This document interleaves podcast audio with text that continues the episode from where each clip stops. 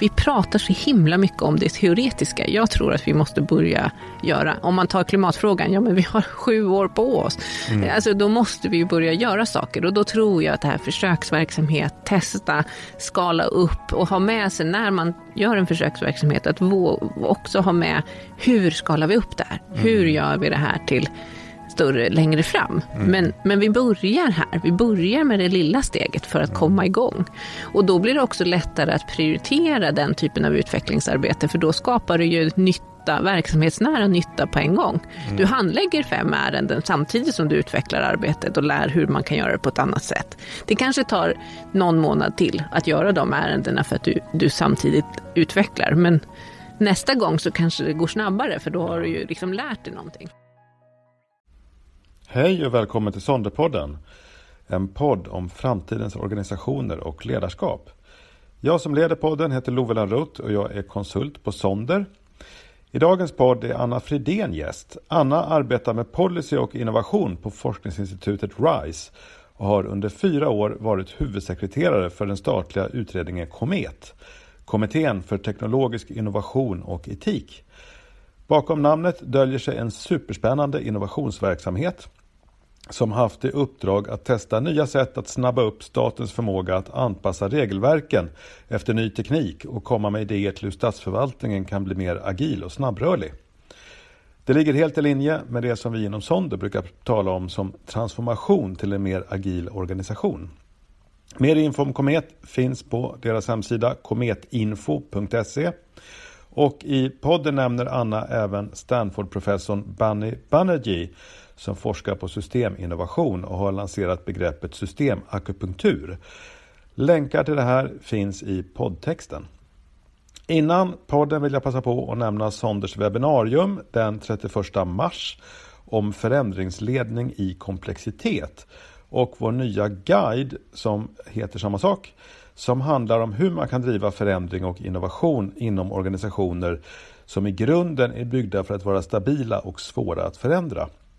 Mer info om webbinarium och guide finns på vår hemsida sonder.se.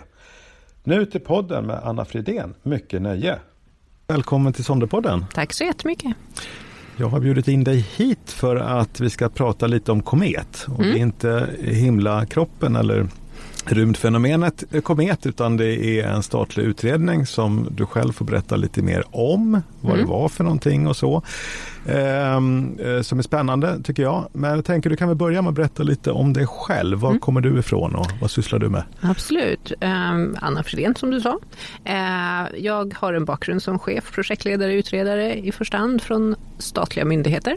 Uh, bland annat Energimyndigheten och en av våra länsstyrelser. Men jag har också varit på energiföretagen, jobbat i energibranschen lite grann och eh, då Komet, men det kommer vi ju tillbaks till. Eh, nyckelfrågorna har vi varit energi, klimatutmaningen, biologisk mångfald eh, och väldigt mycket koppling till policy och arbetssätt, ledarskap, ny teknik, innovation hur man mixar ihop allt det där mm. eh, på något bra sätt. Och eh, nu är jag anställd på RISE och kommer ju fortsätta jobba med de här frågorna. Framförallt kopplingarna mellan policy, innovation och hur man kan använda olika arbetssätt för, och eh, erfarenheter med mig in i det. Energi kommer vara där, klimatomställning och sådana utmaningar såklart. Mm. Ja, vi har lite tangerande intresseområden eh, mm. kan man säga. Eh, när det kommer till inte minst energi och klimatomställning och allt det där. Eh, men Komet som är tvungen att titta då på någon fusklapp här. Kommittén för teknologisk innovation och etik. Ja. Ehm, där var du huvudsekreterare eh, för den. Den blev klar nyligen, mm. eh, 20, det var årsskiftet va? 20, ja precis, 22. vi lämnade ju slutbetänkandet precis innan jul. Eh, men det var ju ett regeringsinitiativ för ja, fyra år höll vi på så då får man räkna vilken regering det var som tillsatte oss. Eh, men det uppdraget var ju att eh, arbeta just med att möjliggöra för ny teknik och en ansvarsfull utveckling och användning av ny teknik. vi kommer ju att prata om, när vi pratar om ny teknik, så handlar det ju om dels helt klart ny teknik, men det handlar ju också om att använda befintlig teknik på nya sätt, eller kanske i en ny skala. Ehm, jag tänker lite där på vätgas och lite så här, det är ju inte något som är nytt, men det är ju någonting som kommer användas kanske i en annan skala framöver. Mm. Och det vårt uppdrag var till kommittén var ju då att kontinuerligt leverera policyutvecklande förslag till regeringen eh, för att möjliggöra en sån utveckling. Och det var ju lite nytänk faktiskt att ha ett regeringsuppdrag. Ni alla kan väl det här med statliga offentliga utredningar. De är ofta så att man har ett ganska tydligt direktiv och ett uppdrag från regeringen om vad man ska utreda och sen har man ett, två år kanske på sig att utreda det och så lämnar man ett slutbetänkande och förslag. Mm. Eh, Kommittén för teknologisk innovation och etik hade ett annorlunda uppdrag faktiskt, där vi löpande då skulle lämna policyutvecklande förslag. Eh, och vi höll på under fyra år och gjorde det. Så det, vi var ett kansli eh, på, på sex personer, inklusive ordförande för kommittén. Mm. Jon Simonsson som var ordförande. Eh, och, så vi jobbade fram men, eh, flera, ett tjugotal skarpa förslag som gick in till regeringen i form av skrivelser eller en gång ett delbetänkande som är en statlig offentlig utredning. Och eh, de kunde sen då omhändertas och beredas inom regeringskansliet som det heter. Mm. Eh, en majoritet av förslagen har faktiskt eh, verkställts på något sätt så det känns väldigt roligt.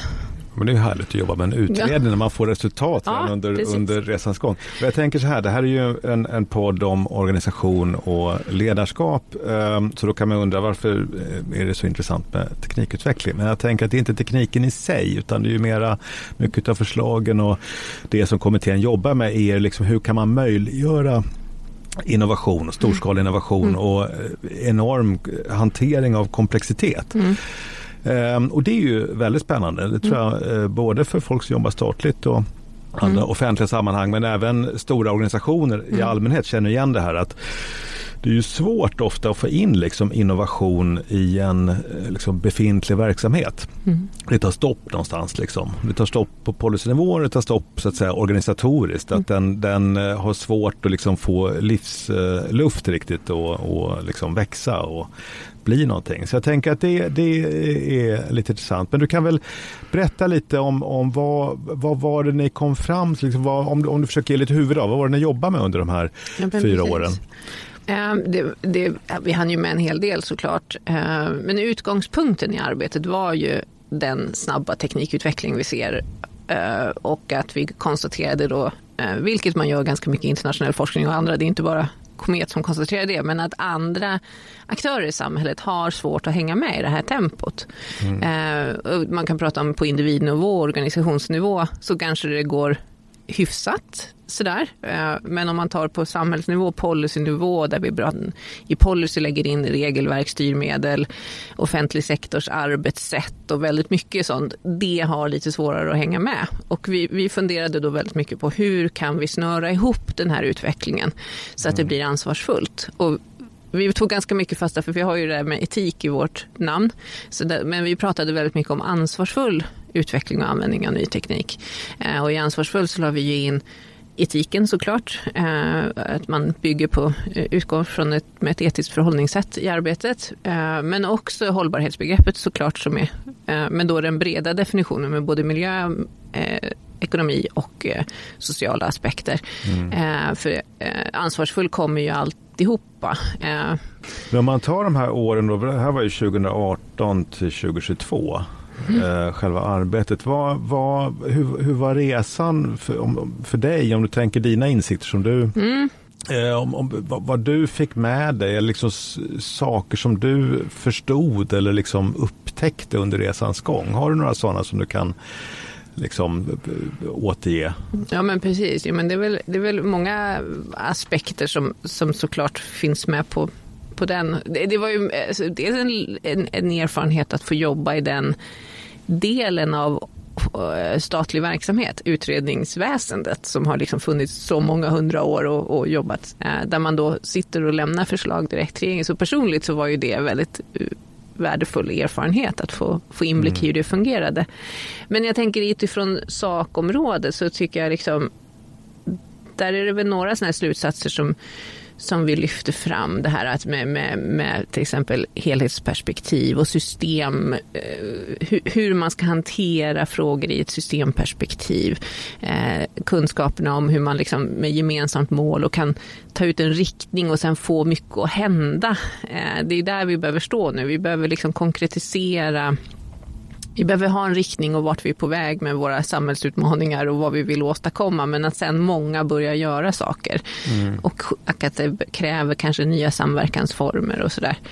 Eh, sen, men sen också den här insikten om hur, hur de här nya lösningarna, alltså ny teknik, nya lösningar, att de är så tvärsektoriella. Det är inte det, det, är inte, de nya lösningarna är inte skapta efter, efter hur våra gamla sektorer är uppbyggda eller ämnesområden eller re, re, re, regelverk eller myndighetsstrukturer utan de går med på tvärs och kommer kräva helt nya samarbeten eh, och samverkan mellan olika typer av aktörer eh, för att liksom kunna hända. Eh, om man tar exemplen liksom när man har eh, ja, såna här symbioslösningar där man använder varandras restflöden och du kanske har en som jobbar med livsmedel, en med energi och, och en, en, annan med växtodling och de ska samarbeta och är helt avgörande att de, olika, de andra verksamhetsutövarna får sina tillstånd till exempel för att kunna göra sin del av verksamhet, idétänket, konceptet. Mm. Och, och, att det ställer krav på att vi är mer synkade från statliga myndigheter. Eh, att man vet vad som pågår, man har, hänger med i den här utvecklingen. Mm. Men också att vi behöver vara beredda att hantera vad det än är som kommer. Alltså, mm. för, för det är ingen, tror jag, som, som kan sitta här och säga vad kommer vara nästa boom, nästa grej som är den stora som kommer bara helt plötsligt invadera stan. Jag tänker elsparkcyklar eller något sånt här. Hur många såg den komma långt i förväg? Eh, men samtidigt så har det ställt jättemycket krav på hur vi jobbar och vad som ska vara tillåtet och vilka. Så man måste vara beredd och arbetssätten måste fungera oavsett vad det är som kommer. Ja. Den insikten, att liksom, hur, hur jobbar vi då tillsammans? Och då behöver du ha en annan överhörning mellan myndigheter och företag eh, och vara lite eh, tidigt ute och tala om att nu är det här faktiskt på gång och våga börja prata med myndigheterna och så, så att man kan vara lite beredd och inte bara bli bromskloss när det väl än händer. Mm. Hur får man den att funka på ett förtroendegivande sätt och, och där myndigheterna inte är rädda för jäv, indirekta förhandsbesked och företagen inte blir rädda för att deras affärshemligheter ska komma ut och så. Så man måste liksom, hur får vi till en sån mm. samverkan över gränserna och bygger gemensam kunskap? Det, och den är ju spännande, just det exemplet jättespännande tänker jag, för att det är ju från två olika håll kommer man eh, på kollisionskurs. För att jag tänker elsparkcykel eller jag tänker Uber också om man tar mm. en sån eh, liknande fenomen. Mm hade ju lite som idé som jag har förstått att utmana regelverken och liksom tjonga på.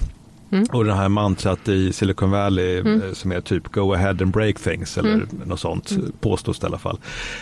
Um, Medans myndigheter har ju nästan att man har blivit så enormt eh, liksom försiktiga och det är enormt långdragna processer.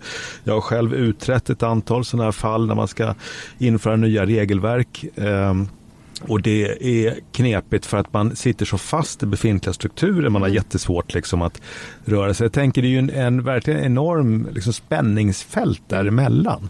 Men, men eh, lyckas liksom hitta, tycker du att ni hittade om man säger, bra vägar fram. Mm. För för mig känns det som att det är, det är, väldigt, um, det är en väldigt knepig situation det där. Det är en knepig situation och hur man till det och få det att funka. Um, jag tror att det här behöver man liksom hänga upp på. Um, för man, man behöver titta på det generellt, att ha arbetssätt som kan möta nästan vad som helst och vara beredd för det. Men samtidigt så för att det ska bli prioriterat i en, en myndighet eller något så måste det ju vara verksamhetsnära och ligga i linje med det uppdrag man har och så vidare. Så här kommer det ju behövas åtgärder för styrning, uppföljning, vad man förväntar sig från myndigheter eh, och lite mod hos myndigheter att våga göra saker på ett annorlunda sätt. Mm. Eh, vi jobbade ju en del inom Komet med att ta fram stödjande modeller, försöka jobba med en kunskapsspridning på olika sätt. Eh,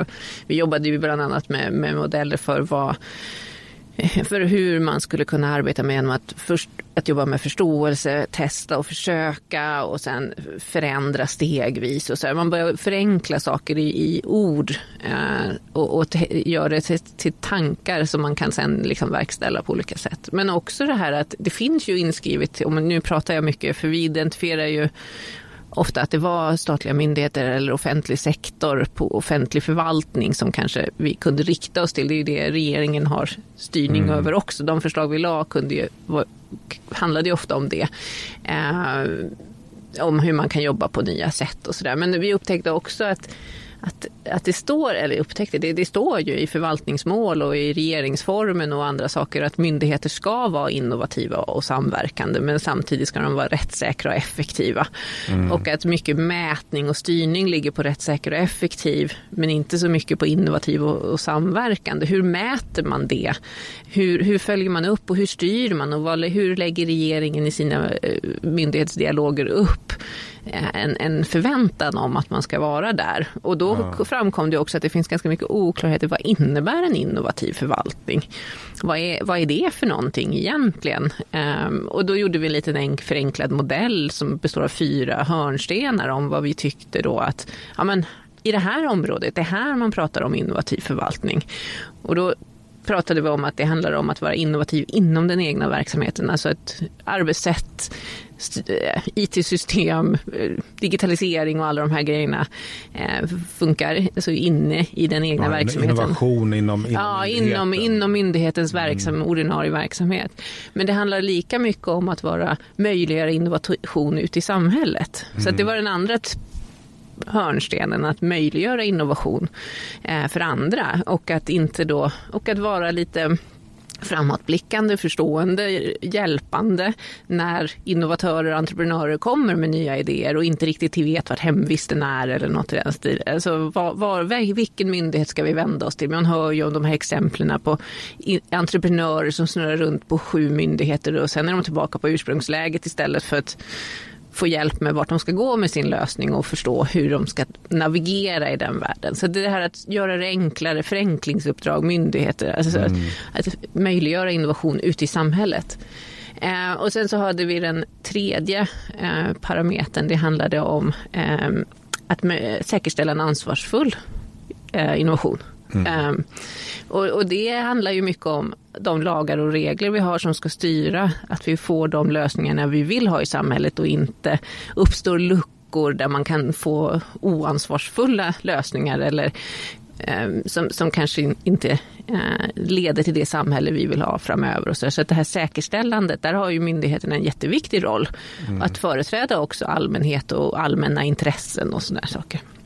Eh, men sen den fjärde parametern handlar om att många myndigheter har stora pengar att köpa saker för. Ehm, vägar, infrastruktur och annat och att man använder den efterfrågan, eh, den, de pengarna eh, för att främja innovation. Så de fyra delarna såg vi som att ja, men om myndigheter börjar prata om att att innovativ förvaltning handlar om alla fyra perspektiven och inte mm. bara titta på en ruta av de här mm. Eh, så, så, och se det lite så i en helhet så trodde vi att, liksom, och det gjorde vi bara en tvåsidig skrivning om och så höll vi ett, ett en digital work eller en digitalt eh, samtal om det. Och, men ändå börja sprida ordet och, och så. Så det tror jag att kan vara lite stöd för många eh, myndigheter och organisationer. Ja. Har du fått någon tänka... respons på det? Eller fick ni liksom någon tydlig ja, respons var... från myndigheter? På... Ja, men det var många ja. positiva. Jag gjorde någon liten workshop med någon myndighets ledningsgrupp och lite sådär också bara för att testköra det lite grann. Och då kunde de väl liksom säga, ja men här i den rutan är vi mer starka än i den här och så vidare.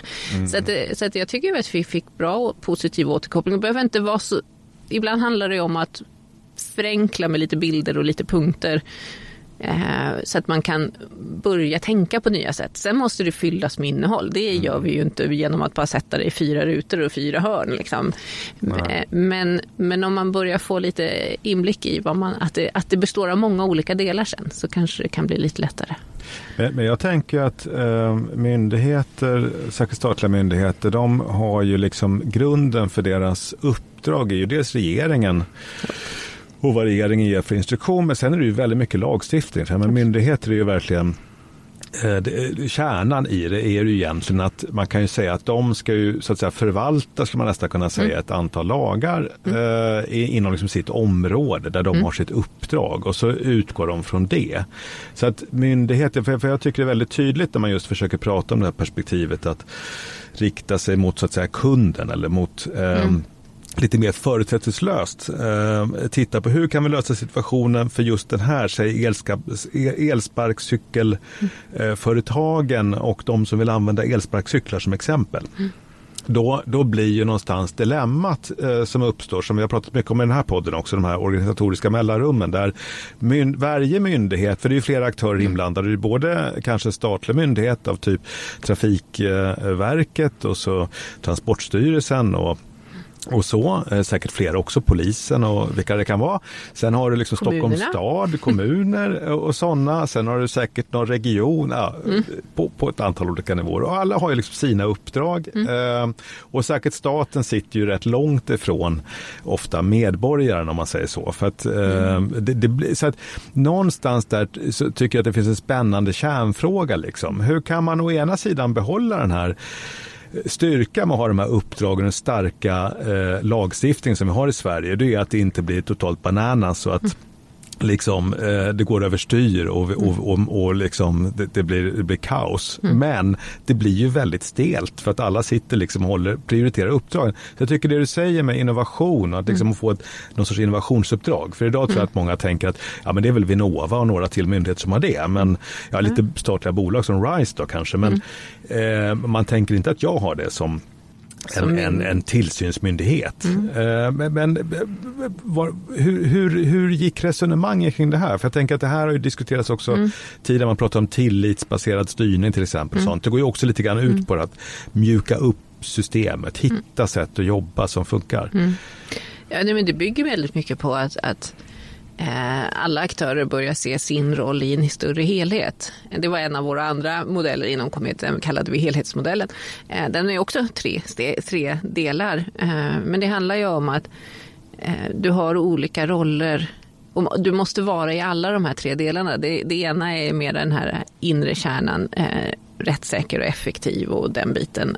och det, sen har du det här innovativ och lärande, att du har en förmåga till det. Men också då helhetsperspektivet som är mer hållbarhet, etik, det här att bidra till, till samhälls eh, liksom, ja, men samhällets bästa. Mm. Och, och det handlar ju mycket om att om en myndighet har ett uppdrag att göra eh, så behöver det ju, ska det ju inte skälpa en annan myndighets möjlighet att göra sin, sitt uppdrag. Och det, det bygger ju på samverkan. Vi brukade ibland lyfta exempel med, med Skatteverket och, och just en, en kommun som där de hade haft en del dialog och kommunen hade velat ha ut uppgifter från, från Skatteverket för att kunna hantera bus i sin kommun. Okay. Alltså brottslighet och annat. Ehm, och, eh, men då så, till, lagen tillåter ju inte att Skatteverket bara lämnar ut uppgifterna. Nej. Eh, men då började de liksom resonera i det här, men om inte Södertälje kommun var det i det här fallet, men kommunen kan, kan eh, göra sitt uppdrag och, och liksom få, bort, få bukt på det här problematiska buset, eh, så, så kommer ju inte Skatteverket sen kunna göra sitt uppdrag. Eh, så att om man på något sätt måste bygga in mer samverkan och se, båda ser sin roll i en helhet som ska leda till ett större och bättre samhälle. Då måste man hitta möjliga vägar i det. Men det finns ju fortfarande lagar och regler om vad du får och inte får göra mm. och vad ditt ansvarsområde är. Eh, men här menar vi ju då att man behöver ha en mer fokus på innovativt och samverkande eh, förvaltning och att det ställs krav på det och det följs upp på det. Och det är ju inte någonting som är nytt. Alla myndigheter har i stort sett det uppdraget. Mm. Så det är ju inte något det finns där, men det gäller att hitta sin väg för hur man jobbar med det. Och jobba med det tillsammans med andra, både i det här lokala, regionala, nationella perspektivet men också mellan olika traditionella sektorsuppdelningar. Som jag var inne på att ja, men det kommer behöva samverkan mellan Energimyndigheten, Jordbruksverket, Livsmedelsverket, eh, social ja, vad det än är, men de kommer vara på en annan led och det där måste man hitta sätt att jobba med. Det kanske också är mindset. Jag tänker, för Skatteverket är ju lite kända för att de har länge drivit utveckling. Jag var själv positivt överraskad för flera år sedan. Jag mm. hade egen liten firma. Jag blev inbjuden till något mm. möte där de pratade om hur man gör rätt när det gäller skatteredovisning mm. och sådär just för att de ville förebygga. Mm. Uh, och det var ju lite wow, uh, för det är inte så många myndigheter som mm. proaktivt bjuder in. Så för mig känns det som också att det handlar väldigt mycket om ledarskapet i myndigheten och säkert mm. enskilda generaldirektörer och ledningsgrupper. Mm. För jag ser ju, jag jobbar ju mycket med myndigheter och uh, andra typer av sådana organisationer och man ser en mm. väldig skillnad i, jag skulle säga mindset. Um, som är svårt att peka på. Så här. Mm. Det, är, mm. det, är, inte inget man lagstiftar om eller mm. det är inget man skriver in ens i ett regleringsbrev men det finns ju där. Mm. Det här om man liksom har den här viljan att, till mm. utveckling. För som du sa, innovation och lärande. Mm. Som, som, för det är väl det man måste liksom börja massera, den muskeln mm. på något sätt. För att, för min känsla är att den i vissa fall tyvärr har lite stelnat. Eh, men den öppnas ju upp. Jag tänker apropå Skatteverket, jag tycker de har gjort mm. ett, ett föredömligt arbete mm. också de och flera andra myndigheter att börja jobba med de så kallade grå företagen. De här som där man just försöker komma åt, tillsammans med kommuner och tillsammans mm. med flera andra myndigheter, de här som liksom har satt i system att bryta mot lagen mm. för att, att, få orättmätiga fördelar, mm. och, alltså det är ekonomisk brottslighet. Mm. Där har man ju verkligen sett fördelen av att samverka så att säga. Mm.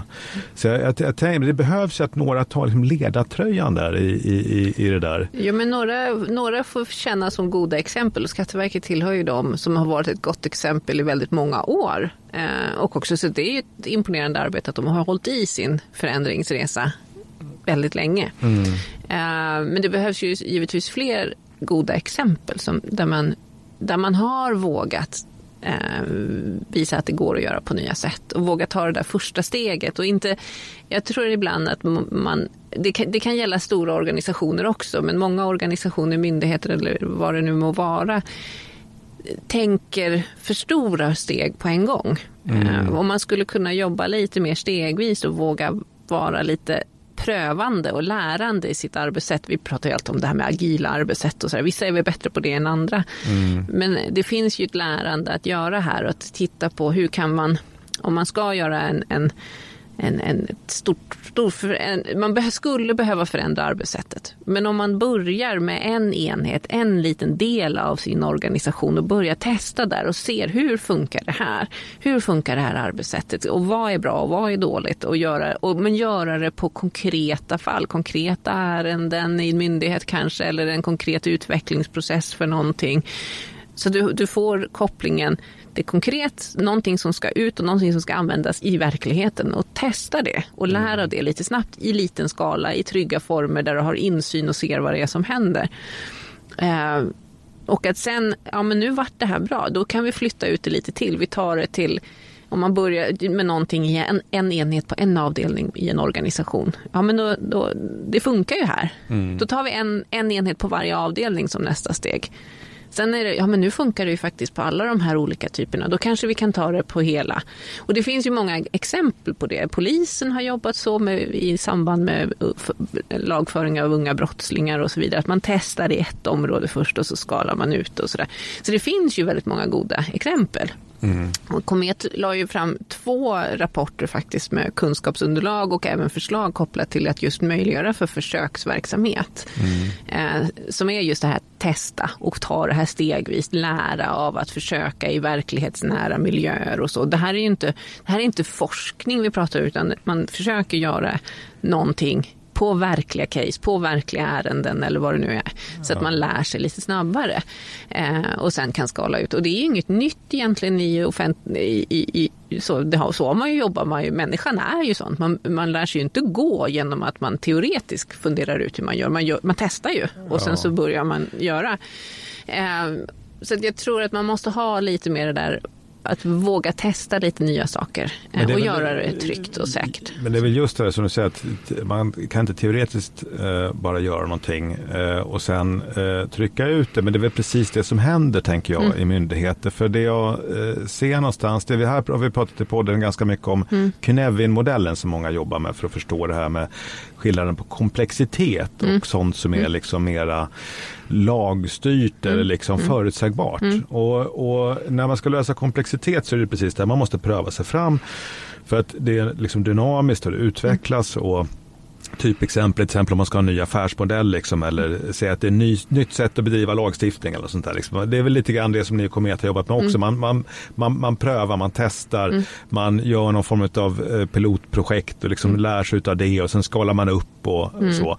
Det andra eh, sättet då, det här med projektbaserade som ju är, är, det klassiska sättet man har jobbat, men det är just att använda best practice, ta in experter liksom och få den här fantastiska modellen och sen ska man göra någon big bang och implementera den. Liksom. Mm. Och det är väl det som allt fler börjar fatta att det inte funkar. Men jag mm. tycker ju att jag ser rätt många som fortfarande inte har förstått att det där inte funkar. Mm. Utan man tror man att man kan Man liksom efter ta... hela stycket på en gång. Ja, och mm. man vill gärna ha experter. Jag menar, om jag tittar på managementkonsulter och sådär så är ju en, en vanlig kritik mot sådana är att ja, men de, de bidrar inte med någon nytta. Det beror ju ofta på att de, de blir anlitade för att förse en verksamhet med best practice och sen funkar den best practicen inte så bra mm. i, i det sammanhanget. Mm. Så jag, jag tänker också det här med hur, hur har ni resonerat? För jag tänker hela det här med tillit och sånt handlar väldigt mycket om hur kan man få den här komplexitetsförmågan? Hur kan mm. man liksom eh, få in den här typen av ledarskap och styrning mm i verksamheter som är så oerhört upphängda på att man ska kunna liksom bara ta en färdig modell och implementera. Mm. Har, har, ni, ni har gjort många modeller inom Komet. Hela Komet är ju lite grann ett ja, sätt ett att litet, försöka. Ja, det är ett litet nytänkande försök faktiskt att, att testa ett nytt arbetssätt. Det är det, eh, det uppdraget som man formulerade. Men jag tänker, uh, jag, tror man, om man tar det här med att hantera komplexa problem, uh, så handlar det väl mycket om att ha börja med att de som är involverade eller som finns i systemet eller som ska vara här behöver ha någon form av gemensam förståelse för vad är vad är utmaningen, vilken roll har jag, vad är det vi ska åstadkomma och komma, sen kanske man är överens om eh, riktningen. Mm. Eh, så. Men sen kanske inte hänga upp sig på att målet kanske inte är den stora leveransen utan det är en riktningsgivning. Vi ska bli fossilfria. Eller vi ska, mm. en, någon, och då måste man också sen erkänna att i den lösningen av komplexa frågor så kommer det finnas många aktörer som kan bidra och göra olika delar av det.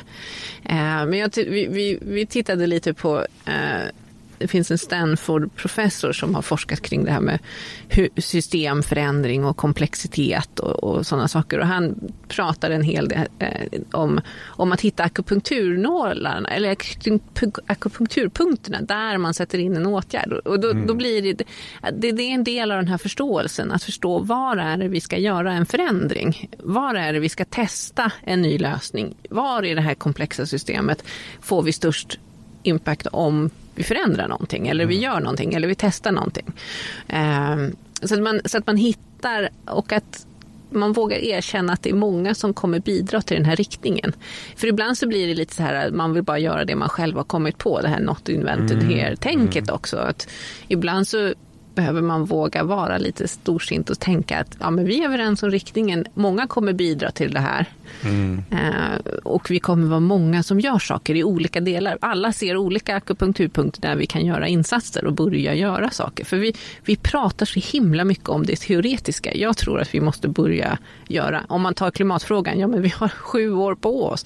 Mm. Alltså, då måste vi börja göra saker och då tror jag att det här försöksverksamhet, testa, skala upp och ha med sig när man gör en försöksverksamhet att också ha med hur skalar vi upp det här? Mm. Hur gör vi det här till större längre fram. Mm. Men, men vi börjar här, vi börjar med det lilla steget för att mm. komma igång. Och då blir det också lättare att prioritera den typen av utvecklingsarbete för då skapar det ju nytta, verksamhetsnära nytta på en gång. Mm. Du handlägger fem ärenden samtidigt som du utvecklar arbetet och lär hur man kan göra det på ett annat sätt. Det kanske tar någon månad till att göra de ärendena för att du, du samtidigt utvecklar. Men nästa gång så kanske det går snabbare för då har du ju liksom lärt dig någonting. Det är lite det med feedback-loopa, lärande mm. jag tänker också på ett uttryck inom psykologi som är self-efficacy som är typ eh, självförmåga, upplevd självförmåga. Mm. För det pratar jag mycket om som en nyckel för att liksom utvecklas och kunna förändra. Det är att mm. man känner att jag har kompetensen att göra, alltså apropå mm. att mm. testa och mm. lära sig av det man gör och bygga vidare på det. Liksom. Eh, det, det, är väl en väldigt viktig och har den eh, kanske självförtroendet för jag kan tänka mig att en del av det här man söker lösningar utanför och försöker hitta liksom nya coola modeller att implementera kan ju handla lite grann också om att man inte riktigt har det här självförtroendet. Mm. utan man liksom mm. måste typ peka på någon annan som ska mm. tillhandahålla eh, lösningen ja. också. Eller en klapp på axeln om att det är okej okay att göra ett försök. Mm. Och i och med att man gör ett försök så, så måste man ju också vara beredd på att det kanske inte går som det var tänkt. Nej. Eh, och, men har man fått en klapp på axeln på att det är okej okay att testa eh, från sin uppdragsgivare eller från sin chef eller vad det nu är mm. så är det ju också okej okay att, att eh, resultatet bara blir ett lärande om att det här sättet var inte rätt sätt. Mm. För, det är väl just den grejen som är svår för många, ja, inte minst myndigheter, det här med att, att man är så rädd att misslyckas. Ja, men precis. Men det, egentligen så kan ett försök per definition inte misslyckas. För att du testar ju för att se om det fungerar och fungerar det inte så är det också ett resultat. Ett bra resultat. Du har lärt dig någonting som inte var rätt sätt. Men sen och då, avvikelse ger lärande. Så skulle ja, ja, men lite mm. så. Jag, tycker, jag, jag, gillar inte egentligen ordet det här med misslyckande för det tycker jag blir så negativt och sådär. Men, men det, det är liksom ett, ett, ett försöka innebär ju att man har en, en, en, en kraft att vilja ändra någonting, att våga göra någonting på ett annat sätt. Eh, och det måste kunna leda till lärande, hur, om det är att det här blir rätt eller att det här, nej, vi behöver göra på ett litet sätt. Men då gör man ju om försöket fast på en ny variant. Och det här är ju det jag tänker, det var ju dina feedbacklooper och, och mm. det här. Mm. Man, ett försök måste ju alltid kompletteras med en, en stabil plan för hur du följer upp och också har, har um, satt upp kriterier för när man avbryter. Ja. Nu, nej, det här, oj, det här hade vi inte förutsett. Vi stoppar här, för det här kommer inte vara ansvarsfullt att göra vidare eller, och så vidare. Så att, man måste ju jobba liksom med den här uppföljningen hela tiden i små steg då för att se och korrigera.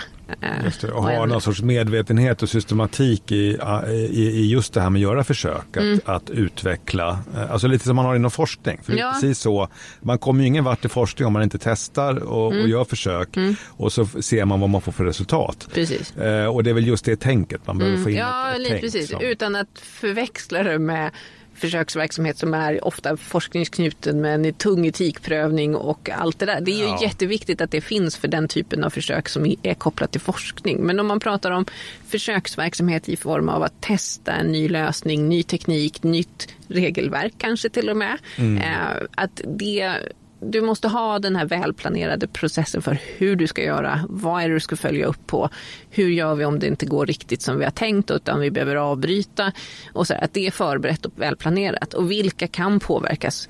Vi pratade ju lite sådär bara visuellt om att prata om, man pratar ju internationellt mycket, om, internationellt mycket om regulatoriska sandlådor men om man skulle tänka sig ett växthus istället där försöksverksamheten bedrivs, där du har full insyn på vad det är som händer, eh, saker tillåts gro växa där inne och det gör, sker under kontrollerade former och sådär.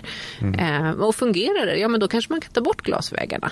Mm. Eh, och så kan man låta det spridas ut i samhället. Men om det inte gör det så har man, då har man ju hållit det där och varit en ganska skyddad verkstad. Mm. Eh, och då kanske det inte behöver påverka så många om det är så. Men om det så skulle vara att det inte riktigt går som det var. Man hade förväntat sig helt enkelt. Mm.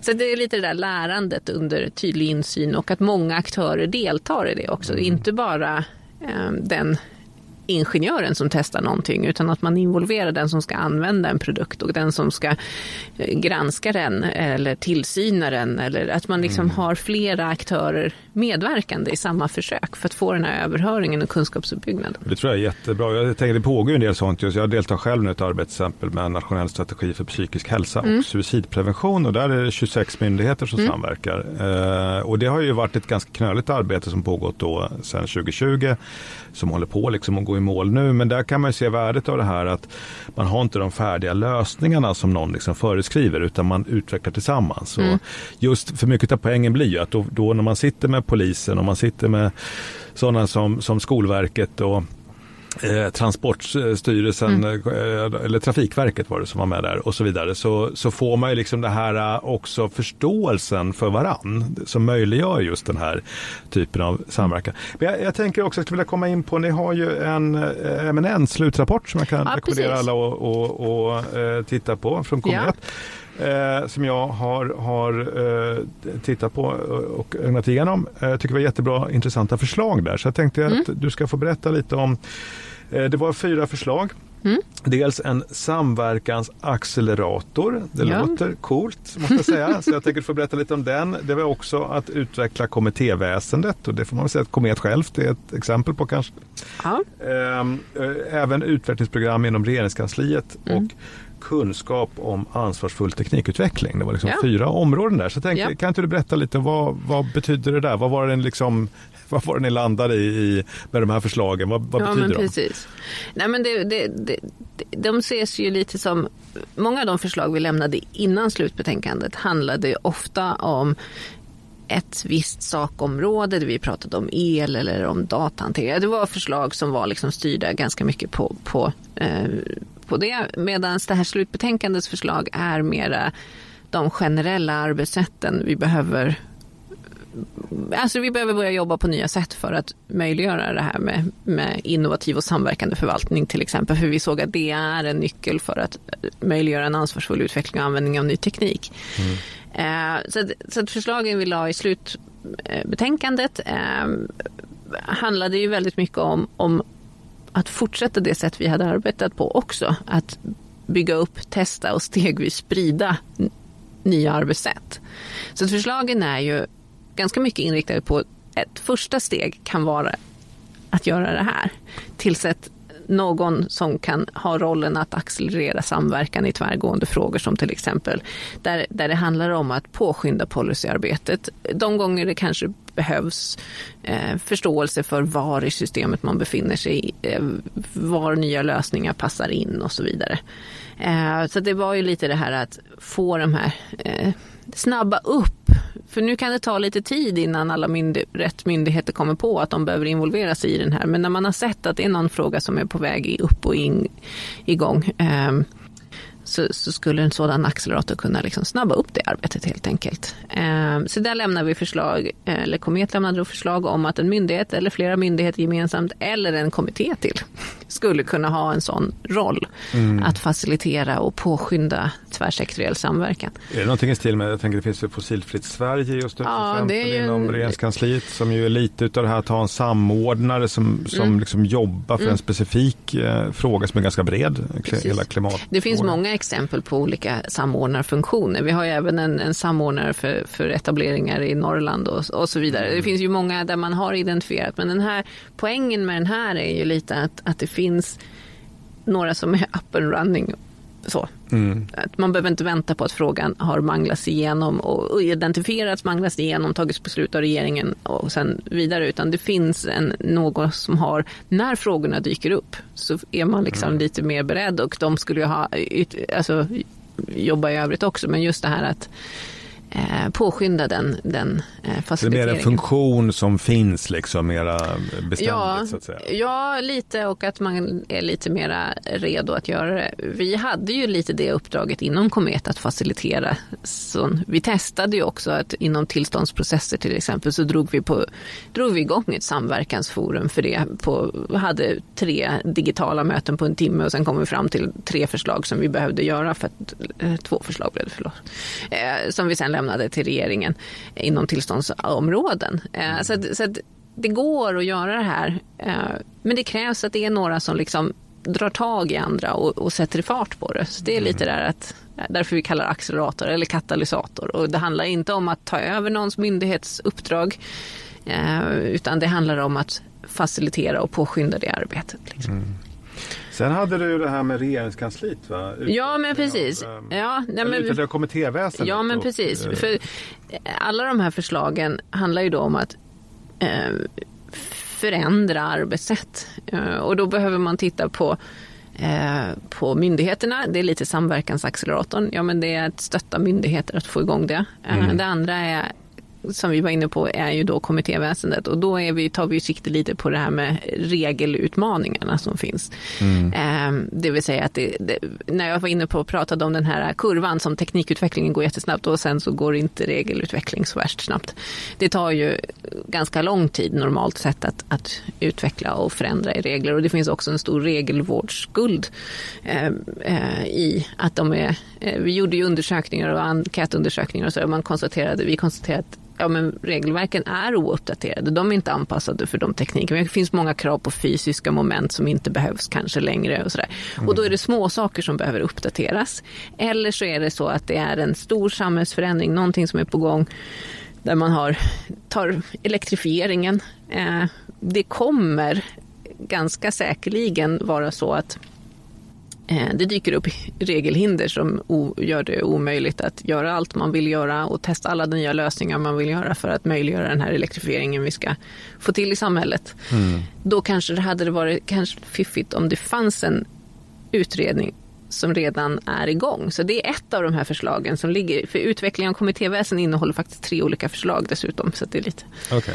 Men det ena handlar då om att ja, men man kanske inom vissa prioriterade områden ska ha en löpande utredning helt enkelt. Som hela tiden kan leverera på regelförslag. Mm. Elektrifieringen kan vara ett sådant område. Vätgas kanske är nästa. Eller jag vet inte om det område du var inne på nu är ett sådant område där man är prioriterat i samhället, där man ser att det kommer hända saker regelmässigt som behöver utvecklas lite mer löpande. Och för det tar väldigt lång tid att skriva ett utredningsdirektiv, mm. eh, bemanna ett sekretariat, utse en utredare, bemanna mm. ett sekretariat, Sen börja jobba. Först så ska man då göra bakgrundsbilden klar för sig. Vad är det för regelverk som är berörda av det här området och så vidare. Och sen börja titta på hur kan vi utveckla det. Istället så man kan kapa lite av startsträckan där mm. och se att ja, men vi tills, har en utredning som är igång. De kan det här området. De kan börja jobba när man ser att det behövs liksom istället. Precis, um, det är lite mer jobba, jag skulle säga kalla det för agilt, fast det är ja. tjatat uttryck, men lite grann man jobbar parallellt som ja. du pratar om. För jo, jag tänker det är, väl sånt, mm. eh, eller hela energiområdet är ju ett sånt som ja. där går blixtsnabbt. Och, och, och jag skulle också säga sekretesslagstiftning, sekretessbrytande ja. mm. frågor, det är högaktuellt, det har varit i många, många år och verkligen brännande. Så att, mm. ja, det finns ju några sådana man kan Ja, men precis. Se. Det, är, det är liksom ett av förslagen i det här med utveckla kommittéväsendet, att man skulle egentligen ha ett, ja, men ett par, två, tre löpande utredningar inom några områden som kan springa på bollar lite hela tiden, ta fram en bakgrundsbeskrivning och så börja jobba mer, mm. lite snabbare. För vi har inte riktigt tid att göra hela den här resan med tillsättandet och så vidare. Och det bygger ju också på att du får en, en kunskapsförstärkning i de utredningarna. Du får personer som är insatta i relevant lagstiftning och som snabbare kan mm. liksom, utreda det. För nu tillsätter man ju, man tillsätter ju kanslierna för varje utredningsdirektiv. Mm. Eh, och det skulle kunna snabba upp processen. Men sen har vi också ett förslag förslag i det här handlar om att när man skriver utredningsdirektiv, eh, nu är vi inne på det här att göra det som behöver göras, men samtidigt testa nya arbetssätt, det är lite min käpphäst, att man gör saker samtidigt. Mm. Eh, så det andra förslagsområdet i det här med kommittéväsen handlar om att ge några uppdrag att eh, några utredningar i samband med utredningsdirektivet, skriv in då att de ska testa nya arbetssätt. Det kan handla om att använda designmetodik i utredningsarbetet, göra ett regulatoriskt försöksverksamhet eller eller att eh, ha, utnyttja kompetensdelning mellan flera olika utredningssekretariat. Det gör man inte riktigt idag. Mm. Eh, det ligger på utredningen själva att hitta dem. Man har ju fika ihop och man pratar och så, men det är ofta ganska olika frågor. Men det kanske finns mm. möjligheter till kompetensdelning. Men att också fundera över om, om, om den här tillfälliga lösningarna hela tiden är det optimala för kommittéväsendet. Det har vi haft sedan 1600-talet nu, många och hundra år som man har gjort, utredningsväsendet har funnits. Mm. Så det kanske är på tiden att man hittar lite nya och också nya kompetenser som behöver in i det här. Du behöver ju ha du kan inte bara ha jurister utan du måste ha jurister, nationalekonomer, ingenjörer. Eh, du behöver förmodligen någon som kan innovationsledning, hur man kan jobba med mötesfacilitering, kommunikation på ett annat sätt än vad det var förr. Liksom. Mm. Ett annat intressant exempel som vi föreslår att man kan testa det är ju att ja, men, vi har ju det här att när man skrivit en utredning så går den på remiss eh, och då får alla tycka till. Eh, men om man skulle tidigarelägga några av de här delarna för bakgrundsbeskrivningen som alla nya förslag ska bygga på, den borde man ju kunna hantera och lägga ut på öppen konsultation redan under utredningstiden så att alla är överens om bakgrundsbilden innan man börjar titta på förslagen. Mm. För då skulle ju den här efterföljande remissrundan som regeringskansliet ombesörjer då kunna fokusera på förslagen istället för att man klankar ner på bakgrundsbeskrivningen. För det gör ju många gånger att utredningsförslag faller eller inte blir någonting av och sådär. Ja, så, så det är ju lite att vi behöver ju få det till att bli verkstad. Men, mm. och sen så hade vi det här med regelvårdsskulden, att inkludera det som nästan som standard i utredningsuppdrag. Att se över, när man ändå ser över ett regelverk, se över om det finns beskrivningar som hindrar ny teknik mm. i onödan. Mm. Um, det finns just det här med fysiska begränsningar eller att det um, eller att, att det inte är möjligt att testa nya lösningar och så vidare. Så det finns flera delar i det som vi tror att man skulle kunna göra då för att utveckla kommittéväsendet. Mm. Men sen har vi då den här att ingenting, eh, om, om det blir en obalans i kunskapsmässigt hur man har, ser på de här frågorna och så där, mellan myndigheterna, kommittéväsendet och så vidare och de som arbetar inom regeringskansliet så kommer det inte hända så mycket. För regeringskansliet är ju liksom navet för eh, för eh, myndigheters arbete och så. Så därför så behövs det ett utvecklingsprogram i de här frågorna också då inom regeringskansliet. Mm. Så det är också ett av våra förslag. Vi, vi siktar in oss på de, de här regeringskansliet och kommittéväsendet, lite kärnfunktioner. Utvecklingsprogrammet, skulle det innehålla något speciellt eller är det bara att man har ett utvecklingsprogram? För att... Nej, det skulle vara det är ganska brett eh, som, som just tar sikte på det här med innovativ och samverkande eh, förvaltning eh, och också kunskapsmässigt förstår vad det innebär och hur, vad det måste leda till, hur man börjar följa upp, hur styrning kommer in i de frågorna och så vidare. Mm. Eh, så det, det, är en, det är en mix redovisade. Det finns en bilaga i, ehm, i vårt betänkande ehm, där det är en lång lista med olika förslag vad man skulle kunna inkludera i den här eh, heter utvecklingsprogrammet. Jag tänker att ledarskapsmässigt är det också klart att ja. väldigt många myndighetschefer kommer ju från regeringskansliet, det vill säga att de har tjänstgjort där några år. Ehm, det är ju en stor del av kvalifikationen skulle jag säga till att bli myndighetschef. Så att det är väl också mm. viktigt, tänker jag, var, var någonstans man sätter tonen. Det är ju mm. liksom mm. Um, därifrån. Mm. Ja men det är, det är intressant. Och det roliga med det du säger är att många gånger i andra länder då är det snarare tvärtom. Då är det ju meriterande att ha varit myndighetschef innan du blir regeringskanslichef. Mm. Så, att, så att det är liksom, eh, men det ligger ju lite i vår förvaltningsmodell där vi har dem Eh, för svensk förvaltningsmodell skiljer sig, det är ett annat avsnitt kan vi ta och diskutera den, men, men den skiljer sig lite mot andra länders där vi har de här, det, det lilla det regeringskansliet och de stora myndigheterna som är mer självständiga och sådär. Så att, I Sverige har vi Ja, i Sverige har vi det, medan i andra länder så har ju, har ju eh, det mer samlat liksom under, under ministern, hela mm. departementet. Jo, nej, men det är absolut. Så det är, det är ju olika hur, hur det funkar liksom. Mm. Um, men, men det finns många styrkor med vår förvaltningsmodell. Och det, ibland så när man pratar om just det här med klimatförändring, det är så här, ja, men man måste göra om så mycket, man måste göra om från grunden. Jag bara, det hinner vi inte göra. Nu måste vi jobba inom den förvaltningsmodell vi har och hitta vägar fram och göra saker. Eh, börja liksom mm. hitta, för man kan inte göra om för mycket för det tappar vi för mycket tid på. Det är lite det här att man alltid ska tänka så stort. Utan, ja, men börja jobba där vi är istället så kommer vi nog kunna komma lite längre. Precis, men så. Eh, vi skulle kunna prata evigheter känns det mm. men det börjar bli dags att, att runda av lite. Men jag tänkte Um, liksom avslutningsvis, vad, vad, vill du skicka med till de som lyssnar på den här podden, som inte minst de som kommer från myndigheter och som, eller som intresserar sig för utveckling mm. av offentlig mm. sektor. Vad, ja. vad, vad, finns det för, för tips här från uh, huvudsekreteraren för Komet? Ja, men, oj, det var svårt. Jag tror på det här, uh, det, jobba stegvis, inte tänka en jätteleverans längre utan tänka stegvis och också då eh, kombinera utvecklings och verksamhetsutveckling med verklighetsnära ärenden. Om jag ska prata till en myndighet så förstår de vad jag menar. Men, men liksom, eh, att du kopplar ihop det här eh, så att du skapar nytta i kärnverksamheten samtidigt som du utvecklar. Mm. Det finns ju någon sån här klassisk bil när det är någon sån här eh, någon som har kommit på att det kanske är bättre med runda hjul istället för någon som står med fyrkantiga stenar. Ja, den hade liksom. jag i min bok faktiskt. Ja men precis, ja. det finns ju en sån här, och, och, nej nej vi hinner inte, men kolla den här lösningen, ja men vi hinner inte, vi måste bara hugga stenarna här liksom. Mm. Utan jag tror att man måste kombinera det där på ett annat sätt att, liksom, mm. för att få den där verksamhetsnära. Men sen också att eh, det är lite det här, skapa, testa och lär genom att försöka testa nya arbetssätt i lite mindre konstellationer, mindre grupperingar och eh, vara lite modig. Eh, så, eh, tror jag. Ehm, och mm, går man in med öppna ögon och vet och har en tydlig bild av vad det är man ska göra så kan man nog göra ganska mycket mer. Eh, och vara beredd på hur man ska hantera det. Eh, då kanske man vågar lite mer. Men mm. ibland kanske det behövs en klapp för axeln. Det beror väl lite på vilken roll man har eh, i, i den respektive myndigheten eller organisationen. Men, eh, jag, jag, är lite så angelägen om att vi kommer ifrån snacket och börjar göra. Mm.